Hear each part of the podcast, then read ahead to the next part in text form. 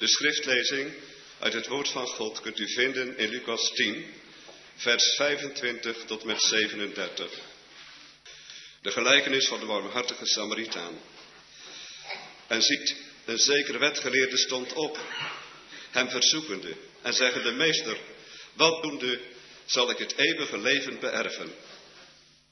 En hij zei tot hem, wat is in de wet geschreven, hoe leest gij? En hij antwoordende zei, gij zult de Heer uw God liefhebben, uit geheel uw hart, en uit geheel uw ziel, en uit geheel uw kracht, en uit geheel uw verstand, en uw naaste als uzelf. En hij zei tot hem, gij hebt recht geantwoord, doe dat, en gij zult leven. Maar hij, willende zichzelf rechtvaardigen, zei tot Jezus, en wie is mijn naaste?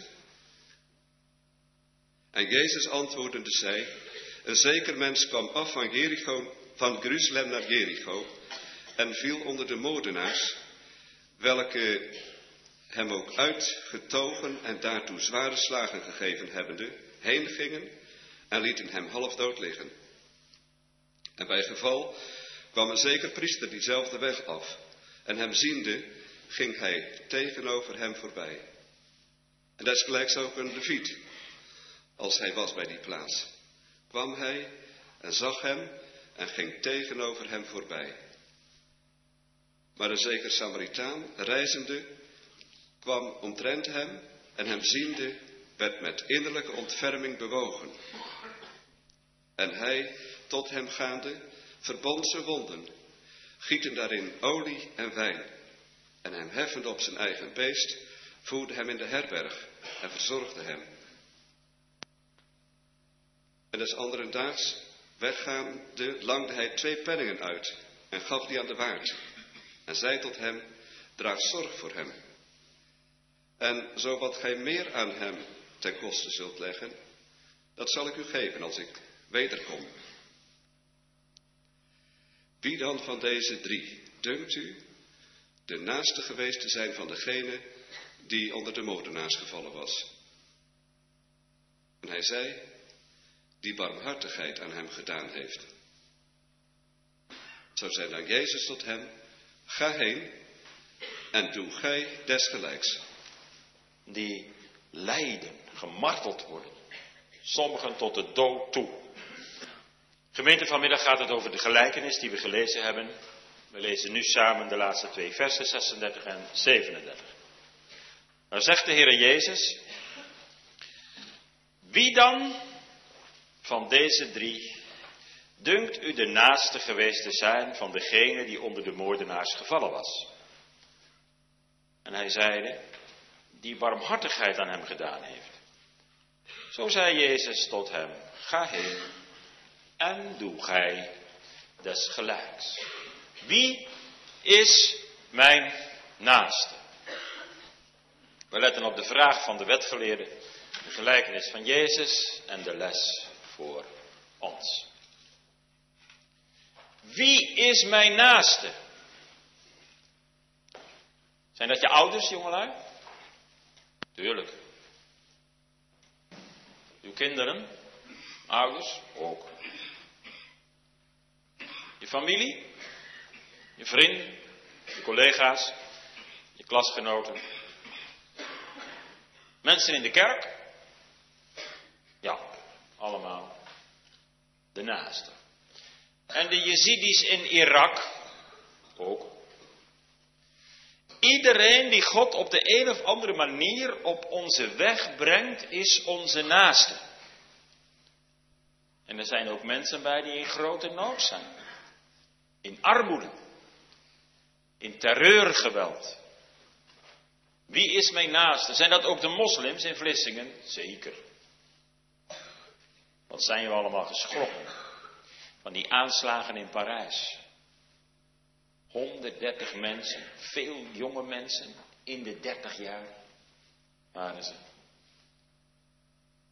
Zo vermoord, koelbloedig. Hoe heeft het kunnen gebeuren? En in België die dreiging, in Brussel. En Europa heeft de oorlog verklaard. aan de islamitische staat. Afschuwelijk. Heel Europa staat op scherp. Het leger wordt te hulp geroepen, extra be, uh, beveiligingsagenten worden ingezet. Overal is angst voor terreur. En dan te weten dat dat dus zo ook maar zo ineens in Nederland kan gebeuren. Iedereen is bang. Vrees voor terreur. Wat hangt ons allemaal nog boven het hoofd? Ja, zeker. Toch? Bijbels gezien moeten we alleen maar vrezen. Laat ik het zo zeggen. Alleen maar de Heer vrezen. Dat is genoeg. En dat betekent dat wij Hem hoog achten en lief hebben in de verbondenheid van het ware geloof.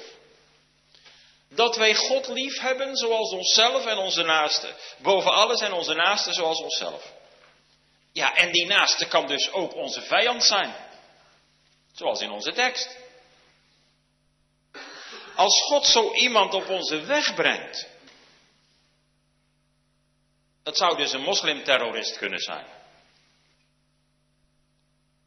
Al moet zo iemand natuurlijk door de regering wel rechtvaardig gestraft worden.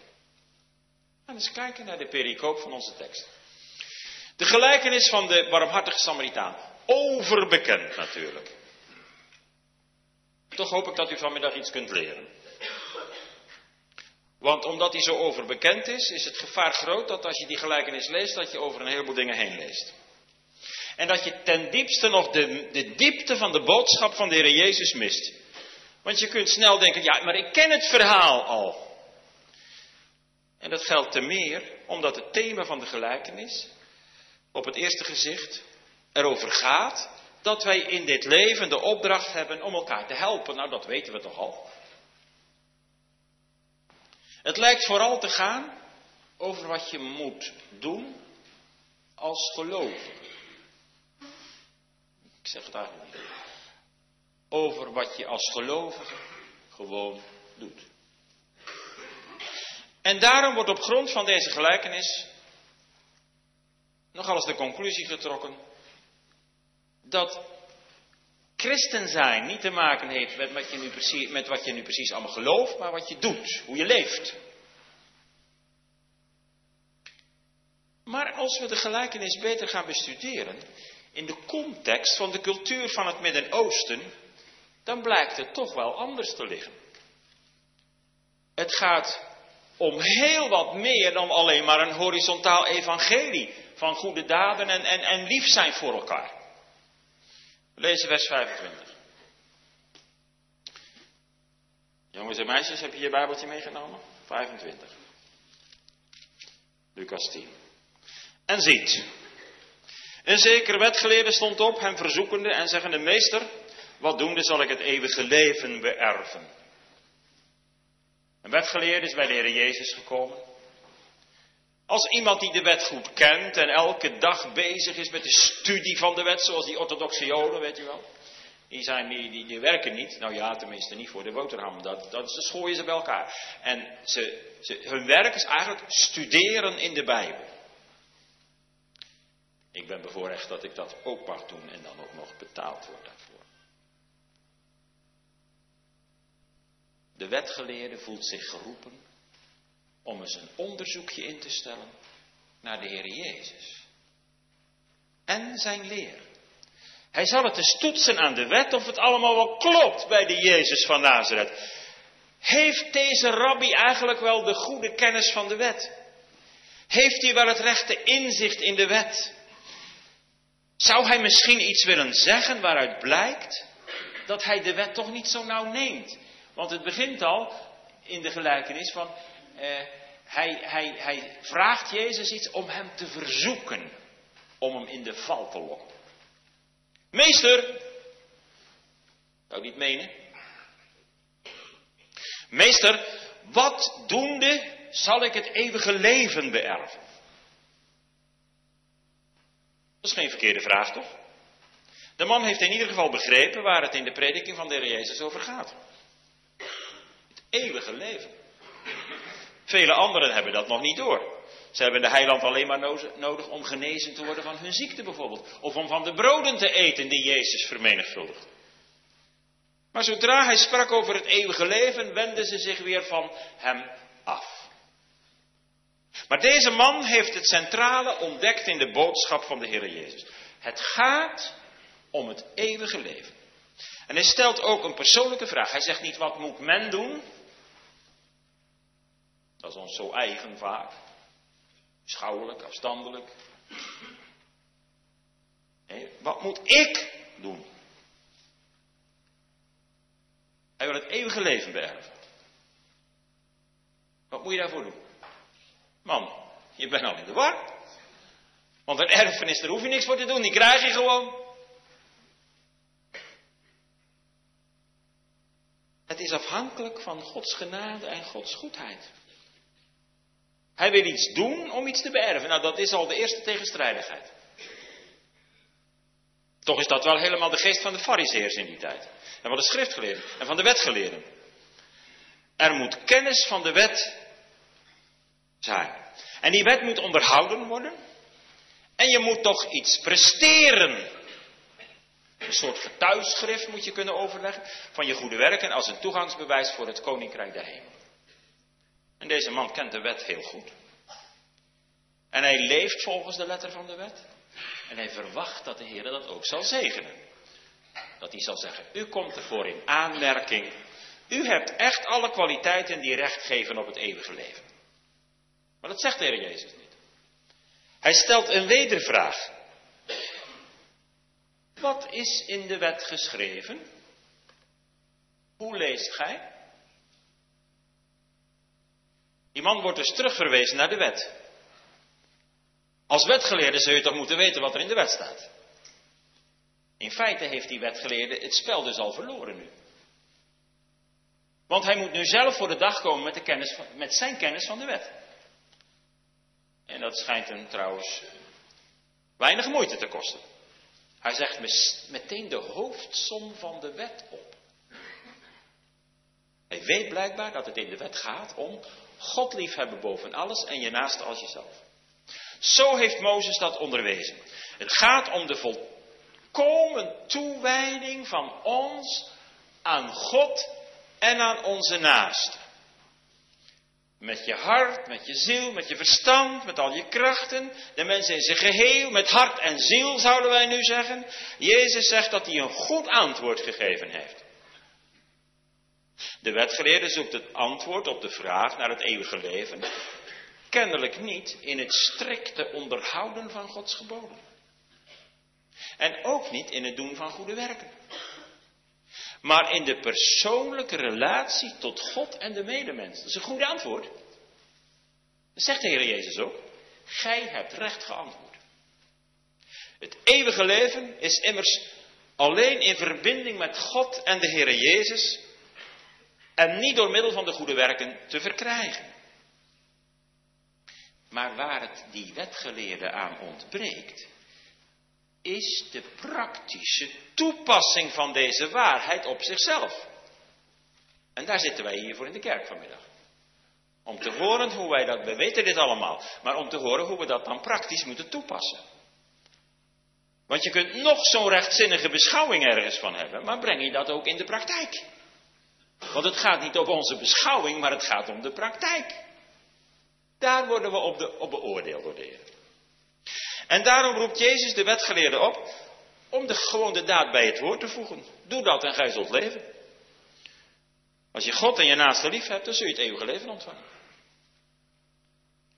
Nee, dat wil niet zeggen dat de Heer Jezus hier opnieuw de weg opent om door middel van goede werken zalig te worden. Dat bedoelt hij niet. Door eigen inspanningen. Hij moedigt die man ook niet aan om een onmogelijke opgave te gaan verrichten. Wel bevestigt Jezus hier dat het eeuwige leven alleen te verkrijgen is in de weg van het liefhebben van God en van de naaste. En dat alleen de persoonlijke relatie met God, het gehoorzamen aan Gods geboden, als een uitdrukking van wat zich in je innerlijk afspeelt. En uit het vervolg blijkt wel dat Jezus de wetgeleerde hoewel ze, Jezus en de wetgeleerden, hoewel ze hetzelfde zeggen, toch totaal verschillend denken over de liefde. En dat is de les voor ons. Opmerkelijk dat de Heer Jezus niet zegt tegen iemand, ach meneer, dat kunt u toch niet? Dat kunt u toch niet meer? We zijn toch diep gevallen? En we zijn onmachtig en onwillig, wat wilt u? Langs deze weg kunt u helemaal niet behouden worden. Nee hoor. De Jezus behandelt die man gewoon als wetgeleerde. Hij heeft hem gevraagd naar de wet, hij houdt zich aan de wet. Die man zal zelf moeten ontdekken dat door de werken der wet geen vlees gerechtvaardigd zal worden voor God. Maar zover is hij nog niet. En het is de vraag of wij al zover zijn. Of komen. Kennelijk overrompeld door de directe manier waarop de Heer Jezus hem antwoord geeft. En tegelijkertijd de vinger op de zere plek legt. Doet hij een, die wetgeleerde doet een poging om zijn gezicht te redden. En dan komt, dan komt zijn ware aard tevoorschijn. Want er staat, hij, willende zichzelf rechtvaardigen, zegt tot Jezus, maar wie is mijn naaste? Willende zichzelf rechtvaardigen. Dat zit er toch in of niet? Daarom komt het eruit. Heerlijk als de Heer je daarvan afhoudt. Dat je eens een keer niet jezelf rechtvaardigt. En dat je zegt, ik ben schuldig. Het vermoeden dat hij niet met zuivere bedoelingen naar de Heer Jezus gekomen is, wordt nu al bevestigd. Hij wil de Heer Jezus testen om zichzelf te rechtvaardigen. En om zich nu een houding te geven, vraagt hij, maar wie is dan mijn naaste? Ja, en dat was inderdaad echt het probleem van die wetgeleerden in die tijd. Er was gewoon onduidelijkheid over de vraag wie nou met je naaste wordt bedoeld. Joden waren natuurlijk de naaste, maar heidenen niet. Vreemdelingen die in, in hun land verbleven, die wel. Voor ons zijn dat de vluchtelingen. 50.000 ineens. Dat is dan onze naaste. Dat klopt helemaal volgens deze gelijkenis. Maar die Joden, onder die Joden heb je natuurlijk vrome Joden en tollenaars en zondaars. Nou, die vrome Joden zijn dan natuurlijk je naast en die tollenaars en die zondaars, die, die horen er niet bij. En de naaste hoor je alleen lief te hebben en de anderen niet. En nu zegt de Heer Jezus zelf in de bergreden, er is door de ouden gezegd, u zult uw naaste lief hebben en uw vijand zult gehaten. De wetgeleerde heeft natuurlijk wel begrepen dat hij daar niet mee aan kan komen bij de Heer Jezus. Dat hebben ze trouwens helemaal verkeerd opgevat, want Jezus staat daar helemaal niet achter. Lees het maar eens na en kijk maar eens wat de studiebijbel ervan zegt. Maar dan moet deze rabbi maar eens een definitie geven van wat nou eigenlijk precies je naaste is. Hoorden de Joden genoten daarbij? En betekent dit gebod dat je anderen die niet bij het volk horen dan niet hoeft lief te hebben? Anders gezegd, hoe ver gaat nou de liefde tot de naaste? En dan gaat de Heer Jezus in een voorbeeldvertelling, in een gelijkenis van de barmhartige Samaritaan, in op die vraag van de wetgeleerde. En daarbij maakt hij zich tegelijkertijd helemaal los van de rabbijnse discussies op dit punt. En geeft hij een korte, krachtige, kernachtige schets van de rijkwijde van de ware liefde. Nog even een vraag. Wie herkent zich in deze wetgeleerde? Een vreemde vraag, want dat zit er bij ons allemaal heel diep in om onszelf te rechtvaardigen. En als de Heer komt, niet alleen met zijn wet, maar ook met zijn evangelie, hebben we dan niet allerlei uitvluchten bij de hand? Ik denk dat er ook voor ons heel wat te leren valt uit deze gelijkenis. En dat gaan we zien. In onze tweede en derde gedachte. We hebben gelet op de vraag van de wetgeleerde. Nou, nu de gelijkenis van Jezus. We gaan vers 30 lezen. En Jezus antwoordde en zeide: Een zekere mens kwam af van Jeruzalem naar Jericho en viel onder de moordenaars, welke hem ook uittogen zijn kleren uitdeden. En daartoe zware slagen gegeven hebbende heen gingen en lieten hem half dood liggen. Een zeker mens was op weg van Jeruzalem naar Jericho. Hij daalde af. De afstand tussen Jeruzalem en Jericho was maar 27 kilometer. Dat heb je gauw genoeg gelopen. Maar het niveauverschil was bijna 1 kilometer. Om precies te zijn, jongens en meisjes. 925 meter afdalen. En je kunt beter klimmen dan afdalen. Voor je knieën. Die weg voerde dwars door een eenzame, rotsachtige landstreek. Berucht vanwege de onveiligheid. Voordat de man echter zijn bestemming bereikt, valt hij in handen van de rovers. Die hem de kleren van het lijf scheuren, zijn geld afnemen en een flinke afranseling geven, omdat hij zich natuurlijk verzet zal hebben. En ze lieten hem half dood achter aan de kant van de weg. Meer weten we niet van deze man. Maar er wordt verondersteld dat hij een Jood is. Dat is na de aanslag op die man niet meer zo goed te verifiëren. Want in het Midden-Oosten worden de mensen tot op vandaag de dag of herkend aan hun tongval of aan hun kleding. Nou, de man was beroofd van zijn kleding en hij ligt bewusteloos aan de kant van de weg. Hij, er is eigenlijk geen herkenning. Hij is niet geïdentificeerd. Met andere woorden, het is voor een voorbijganger niet duidelijk of die gewonde man nou een naaste is of niet. In de strikte zin van het woord, zoals zij dat daarover dachten. Kan ook wel een heiden zijn. En in dat geval is een Jood volgens de wet en ook volgens traditie niet verplicht om die man te helpen. Zo denken wij gelukkig niet. Hier is een mens in nood. En die moet altijd geholpen worden. En wat is er een leed en ellende in deze wereld, ook in onze naaste omgeving trouwens. Als we nou gewoon blijven bij de mensen die hier zitten in de kerk. Psychische nood. Lichamelijke nood. Chronische ziekte. Verdriet van een weduwe of weduwnaar. Vanwege het gemis. Spanningen in het gezin. Duivelse aanvallen. Pesterijen van mensen. Wat heeft de zonde toch ontzettend veel ellende teweeggebracht. En dan is er ook nog het stille verdriet dat gedragen wordt en waar anderen helemaal niks van af weten. Wat is er veel nood onder ons, maar ook ver van ons vandaan. In Syrië en Irak. Mensen worden koelbloedig afgeslacht door de islamitische staat. Vooral hoogopgeleide vrouwen, zoals artsen en advocaten. Die worden nog even verkracht en dan onthoofd. Onschuldige burgers moeten vluchten naar onveilige vluchtelingenkampen. En Europa gaat kapot, dat is nu aan het gebeuren, zeg maar, want ieder zet toch een muur neer of een hek en een grens. En de afspraken die gemaakt zijn worden overtreden. In Nigeria zijn duizenden burgers gedood. Overal liggen jonge mannen en vrouwen verminkt langs de weg. Wat een vreselijke nood, gemeente.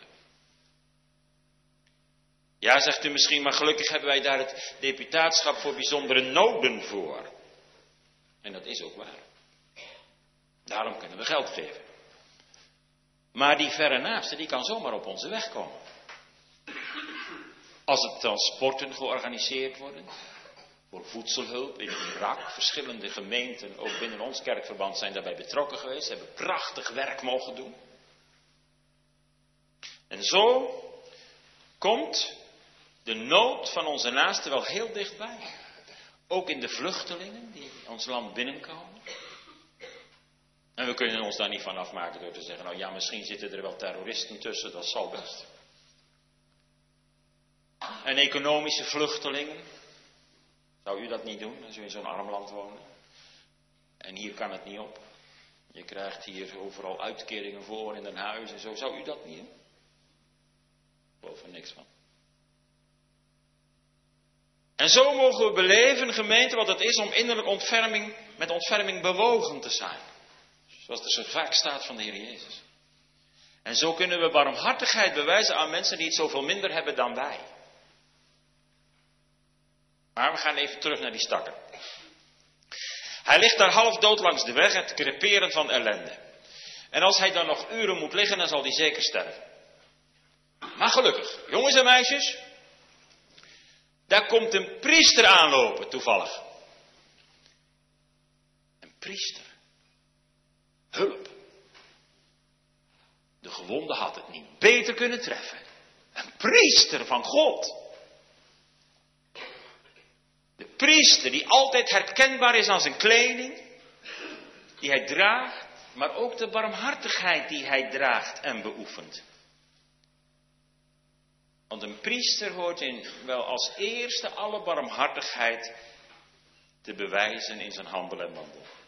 Vermoedelijk had die man net dienst gedaan in de tempel en keerde terug naar zijn woonplaats. In Jericho woonden veel priesters. En wat doet deze dienaar van Gods barmhartigheid? Ja, hij kijkt even en dan kijkt hij gelijk weer voor zich uit. Want hij wil niet verder kijken.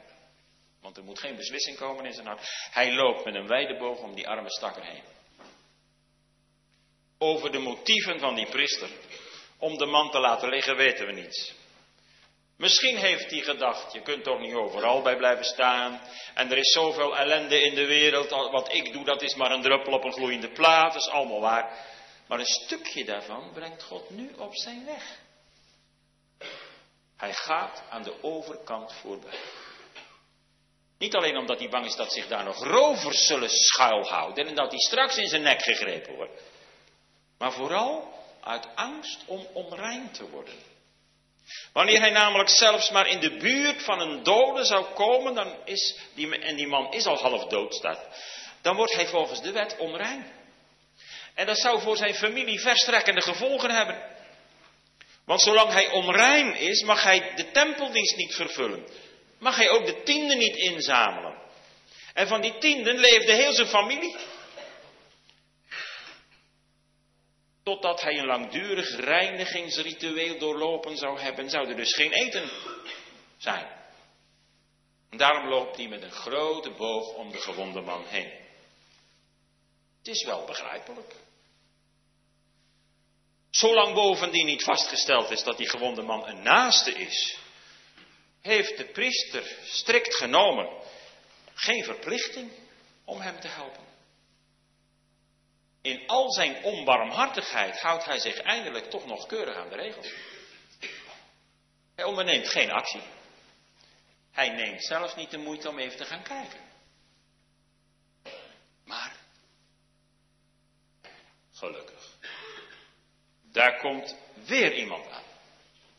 Een leviet. Assistent van de priester, ook een dienstknecht van God. Hij doet iets meer dan zijn voorganger. Hij komt dichterbij, blijft staan en kijkt naar de gewonde man.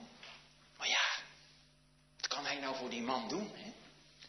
Misschien heeft hij wel een verontschuldiging gemompeld en uiteindelijk loopt ook hij verder. Wat denkt u? Wat zou er in die gewonde man zijn omgegaan?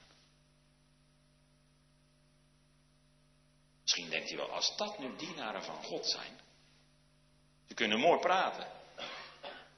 Maar dan heb je het ook gehad. En hij blijft alleen achter. Straks wordt het donker. En dan komen de roofvogels. En dan is hij gewoon ten dode opgeschreven. Maar jongens en meisjes. wat hoort hij? Hoefgetrappel. Een koopman Blijkbaar, want hij reist niet te voet, maar op een reisdier. En hij komt niet uit de tempel, want hij is een Samaritaan. Tot ontzetting van de toehoorders van de Heere Jezus gaat het hier niet over een gewone Jood. Dat had iedereen natuurlijk verwacht. Maar hij is een door de Joden verachte Samaritaan. En Samaritanen werden als ketters beschouwd, die waren niet zuiver in de leer. Die hadden wel de Torah, maar de rest van de Tenach, de rest van het Oude Testament, dat, dat hebben ze niet aanvaard als de openbaring van God. Zij volgden hun eigen uitleg en hadden hun eigen heiligdom, weet u wel, de Ebal en de Gerizim, de Samaritaanse vrouw, als u dat voor u ziet in geschiedenis, een Samaritaan. Een mengvolk.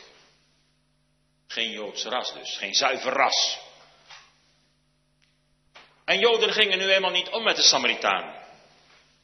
Ze meden Samaria. Dat laatste was overigens niet alleen maar om reinheidsoverwegingen, maar ook omdat de Samaritanen bekend stonden als de terroristen van toen. Dat is echt levensgevaarlijk. Om door Samaria te reizen. En het is nu juist deze man die aan het vrome Israël ten voorbeeld wordt gesteld. Een nobele Jood die een Samaritaan helpt. Ja, dat, dat, dat kan hè. Dat heeft iets heldhaftigs. Maar een verachte Samaritaan die een Jood helpt, dat is niet acceptabel. Daar komt de Heer Jezus in de gelijkenis straks op terug. Veel Joden zouden in die tijd nog liever dood gegaan zijn dan geholpen te worden door een Samaritaan. En wat we over deze Samaritaan lezen is wel treffend. Om te beginnen komt hij in de nabijheid van die man en hij kijkt naar die man en dan staat er, hij wordt met innerlijke ontferming bewogen. Hij wordt tot diep in zijn binnenste geraakt. En dat is doorslaggevend, het verschil met die eerste twee voorbijgangers. Die waren berekenend en die hadden geen oog voor die man. Maar alleen maar voor de consequenties van hun daden, als ze hem zouden helpen. Die Samaritaan ziet de man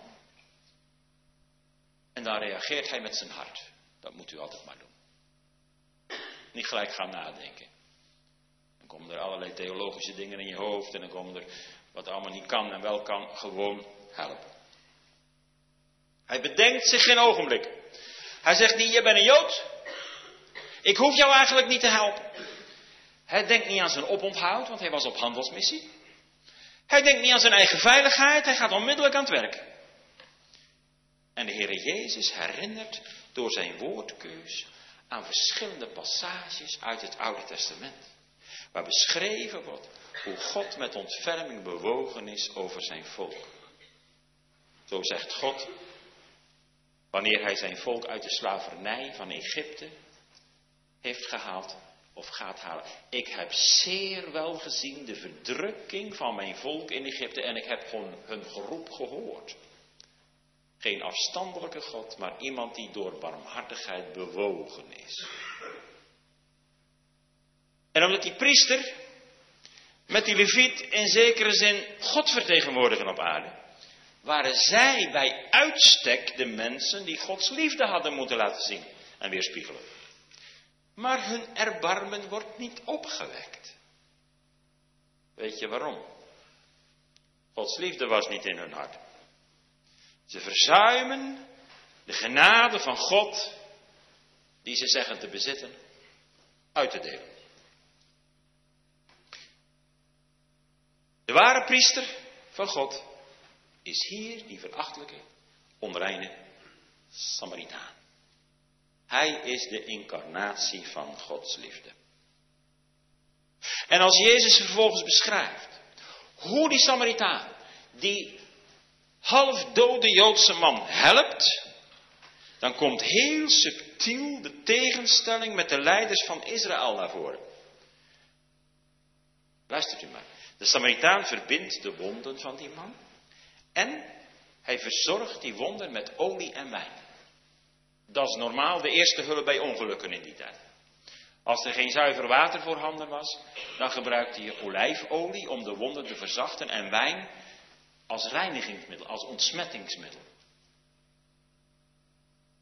Toch klinkt hier meer mee. Olie en wijn waren bij uitstek de elementen die dagelijks door de priesters in de tempeldienst werden gebruikt. En daarom is die gelijkenis zo veelzeggend. De priester komt net uit Jeruzalem. Ongetwijfeld heeft hij daar olie en wijn geofferd. En nu onderweg, nu het op echte priesterdienst aankomt, nu het om een mensenleven gaat, laat hij het afweten. En gaat de Samaritaan hem voor. Tussen de regels door valt daar in Jezus verontwaardiging te horen. Wat? Wel, in die offerdienst was nog iets van de tempel bewaard. Als je olie niet kunt uitgieten voor een mens in nood, wat heeft dan je dienst in de tempel voor waarde gehad? Je kunt hier vroom zitten onder de preek en, en, zeggen we doen niet dit en we doen niet dat en we rijden niet op zondag en we tanken niet op zondag. Ik zeg ook niet dat je dat moet doen, maar het komt aan op wie wij zijn voor onze naaste gemeente. Een mensenleven redden. Olie en wijn uitgieten. God heeft genoeg van al die offers in de tempel. Ik heb geen lust in weldadigheid. Tot weldadigheid en niet tot offer. Jezus ontmaskert in de gelijkenis aan een stuk hypocrisie. Onechtheid. En tot slot vertelt Jezus hoe de Samaritaan de man op zijn eigen rijdier zet en naar de herberg brengt. En ook hieruit blijkt zijn de diepe bewogenheid van die Samaritaan, want hij riskeert daarmee zijn eigen leven. Stel u zich voor dat een Palestijn vandaag met een zwaar gewonde Israëliër op zijn arm richting Joodse nederzetting gaat. Op de Westbank. En dat hij daar binnenloopt. Dan denkt iedereen, denkt dan de eerste flits in de gedachte is, hij heeft de Jood aangevallen en verwond. Natuurlijk, hij is een, een Palestijn. En dan wordt hij misschien wel gelinst. Hetzelfde geldt eigenlijk voor die Samaritaan in de gelijkenis. Hij zal pas later, zal pas later als iedereen van de schrik bekomen is doordringen dat iemand niet met zijn eigen, met een vijand van hem bij de, uh, met, met zijn eigen slachtoffer bij de vijand aanklopt. Hij had die man ook best aan de rand van het dorp kunnen achterlaten. Dan zou die heus wel gevonden zijn, maar dat doet hij niet. En daar blijkt weer opnieuw de diepe bewogenheid van deze Samaritaan. Hij riskeert zijn eigen leven om die gewonde man te kunnen helpen. Zijn oliepotje is leeg en zijn wijnfles ook. En zijn portemonnee is lichter geworden, maar zijn hart is vol van bewogenheid en liefde. Dat was het tweede. Wie is mijn naaste? We hebben gelet op de vraag van de wetgeleerde, op de gelijkenis van Jezus. En nu wil ik nog wat dieper ingaan op de les voor ons. Want ja, dat is vers 36 en 37. Wie dan van deze drie dunkt u de naaste geweest te zijn van degene die onder de moordenaars gevallen was? En dan zeiden die barmhartigheid aan hem gedaan heeft. Zo zeide dan Jezus tot, tot hem, ga heen en doe gij desgelijks. Wie van u is de naaste geweest van hem die onder de moordenaars gevallen is? Nee. Leest u dat goed? De Heer Jezus draait het om, dit hadden wij niet in gedachten. Wie is de naaste geweest? De naaste van hem die onder de moordenaars gevallen was. Nu heeft de Heer Jezus de vraag omgekeerd. De wetgeleerde heeft gevraagd, wie is mijn naaste? Maar Jezus vraagt, wie was de naaste van die man? Wie is onze naaste? Neem dat maar heel letterlijk. Hij of zij die naast ons staat, die dicht bij ons is, de man of de vrouw die de Heer op je weg plaatst en die hulp nodig heeft. Wie was de naaste van die gewonde man? De Heer Jezus gaat niet uit van de helper, maar van degene die geholpen wordt. De naaste is niet de mens die ik moet helpen, maar de mens die mij helpt. Weet u dat Jezus dat in zijn woorden omdraait? De Jezus zegt niet, u moet uw naaste lief hebben, maar u moet, hij zegt, u moet u door uw naaste laten helpen. Jezus keert de vraag van de wetgeleerde om. Hij vraagt niet, wie was nu voor die Samaritaan de naaste? Nee, hij zegt, wie was voor die gewonde Jood de naaste? De wetgeleerde heeft dat begrepen. Want hij antwoordt die barmhartigheid aan hem gedaan heeft. De naam Samaritaan kan niet over zijn lippen komen. Maar zo zegt hij het eigenlijk nog veel mooier. Want het gaat er niet om of het een Jood is, of een heiden, of een Samaritaan. Maar het gaat erom dat er barmhartigheid bewezen is. Ga heen, zegt Jezus, en doe gij desgelijks. Betekent dat dat hij nu ook mensen in nood moet gaan helpen? Ja, natuurlijk is hij en wij. Wij zijn daartoe geroepen, natuurlijk. Zoals we allemaal onze handen uitsteken om mensen in nood te helpen, zeker. Maar de Heer Jezus bedoelt hier veel en veel meer, want hij heeft toch de rollen omgekeerd.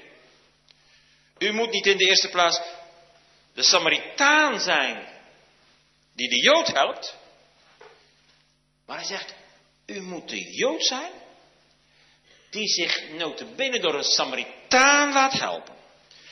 U moet die olie en die wijn laten gieten in uw eigen wonden.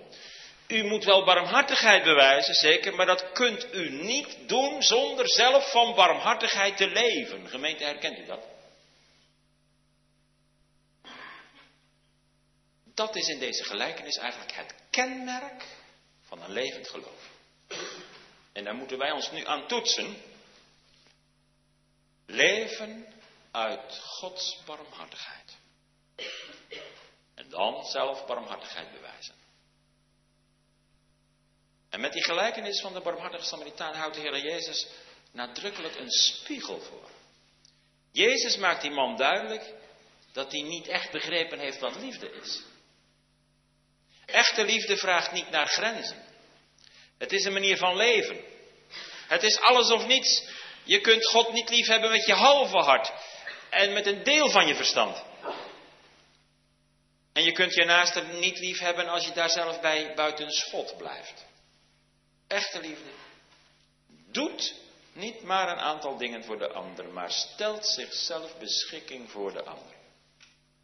Maar de gelijkenis van de barmhartige Samaritaan is juist een gelijkenis waarin de slachtoffers van deze wereld zich pijnlijk herkennen.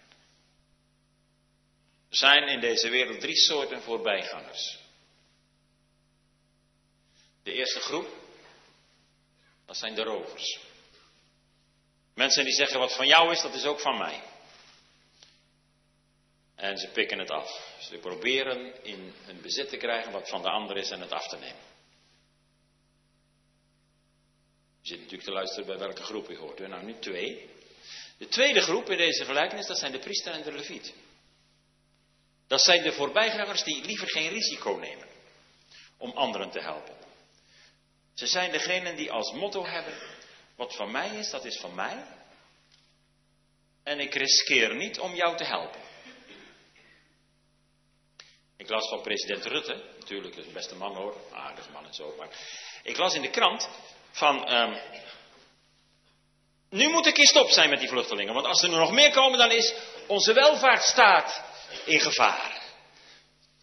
Zou u er een boterham minder om eten? Als er nog 50.000 binnenkomen, ik geloof er niks van. Zie je, of je niet samen moet. Ze waarderen, die groep, die waardeert hun eigen veiligheid en als het moet ten koste van anderen. Ze proberen vooral zonder te veel kleurs, kleerscheuren door het leven te komen. En de onverschilligheid van deze voorbijgangers is net zo pijnlijk als de vijandschap van de overvallers. En dan is er nog een derde groep voorbijgangers. En u bent natuurlijk nieuwsgierig hoe u daarbij hoort. Die mensen die zeggen, wat van mij is, dat is ook van jou. De Samaritaan boog diep in het stof om die gewonde man te helpen. Hij riskeerde zijn leven om die man op een veilige plek te brengen. Dat zal die man nooit meer vergeten. Hij heeft nieuwe hoop gekregen. Dat het goede uiteindelijk toch het kwade zal overwinnen. Gemeente, ik wil nog één toepassing maken. Tijd is dan weer op van deze gelijkenis op u en mij persoonlijk. Er zijn mensen die wel anderen willen helpen, maar die zelf niet geholpen willen worden. Die misschien alles aangrijpen aan vasthouden om hun zaligheid te verdienen, maar die nog helemaal moeten leren om alleen van genade te leven. Het valt niet mee om te erkennen dat je daar aan de kant van de weg ligt. Niet half dood, maar helemaal. Net als die gewonde man. Dood in zonden en misdaden. Niet alleen onmachtig, maar ook onwillig. Om jezelf te laten verlossen. Kunnen we geholpen worden? Ja. Door Hem die onze naaste geworden is. Die de broeders in alles gelijk geworden is. Jezus. Vlees van ons vlees geworden. Bloed van ons bloed. Been van ons gebeente. Mens geworden. Met een menselijke natuur die onderworpen was aan de gevolgen van de zondeval. Hij liep niet met een boog om onze nood heen. Hij was met ons lot bewogen. Hij was helemaal, hij, hij nam ons helemaal voor zijn rekening. En hij is zelf in de handen van de rovers gevallen. Om mensen die in moordenaars handen gevallen waren van de dood te verlossen. Ten diepste is de barmhartige Samaritaan. De Heer Jezus zelf. Die zijn leven gaf. Voor deze wereld. Misschien dat iemand zijn leven nog geeft voor een rechtvaardig mens. Maar God bewees zijn liefde jegens ons. Dat Christus voor ons gestorven is toen wij nog zondaars waren. En zo is God nu in deze wereld aanwezig, veracht. Als een Samaritaan onder de Joden, als een Jood onder de heidenen, of als een vluchteling onder rijke Westelingen. De religieuze elite kijkt op Jezus neer. Omdat hij zich ophoudt onder zondaars en melaatsen en terroristen en verschoppelingen en tollenaren en hoeren. Daar is hij de vriend van, zei ze. Mensen die in maatschappij niet meetellen. Gemeente, de, gelijkenis van de barmhartige Samaritaan maakt opnieuw duidelijk dat Jezus een vreemde is in deze wereld. Omdat deze wereld zo verworden is. En bijna alle mensen egoïsten zijn. Hij hoort hier niet. En toch kwam hij. Hij daalde af in die vuilheid en in die mest, die drek van ons mensen. Onvoorstelbaar. Onvoorstelbaar dat hij bereid was om verstoten te worden en zijn leven te geven om zijn volk te redden. Even onvoorstelbaar dat wie Jezus als de barmhartige Samaritaan ontmoet, niet bereid is om zichzelf door hem te laten verzorgen en genezen. Bent u dat? Nog steeds? Jezus biedt ons zijn genade aan. En laat u zich niet zaligen met alle vrome praatjes eromheen. Die Jezus werkelijk kent zoals hij is kan toch niet anders dan hem volgen en zijn leven leggen in zijn handen. En zeggen, Heer Jezus, bij mij is het niet, maar bij u is alles. Ik heb schuld, ik ben verloren, maar ik buig aan uw voeten, want u bent gekomen om zondaren te zaligen. Dan kan het voor mij ook. Ik geef me over, ik, ik, ik, ik, ik sta zo met mijn rug tegen de muur. Ik kan er niet meer uitkomen, tenzij dat ik door u geholpen word. U bent het leven. De grond waarop ik sta. Wie zich schatten op aarde verzameld heeft, geen schat in de hemel. Wie genade heeft ontvangen, wordt een genadig mens. Wie Christus volgt, gaat net zoals de Heer Jezus reageren op mensen in nood. Ongeacht of ze Jood zijn, of Palestijn, of Arabier, of Westerling, of Christen, of moslim, of seculier, of gelovig. En nu zegt de Heer Jezus vanmiddag tegen u. Heb je het begrepen? Ga heen. En doe gij desgelijks. Zalig zijn de barmhartigen. Want hun zal barmhartigheid geschieden.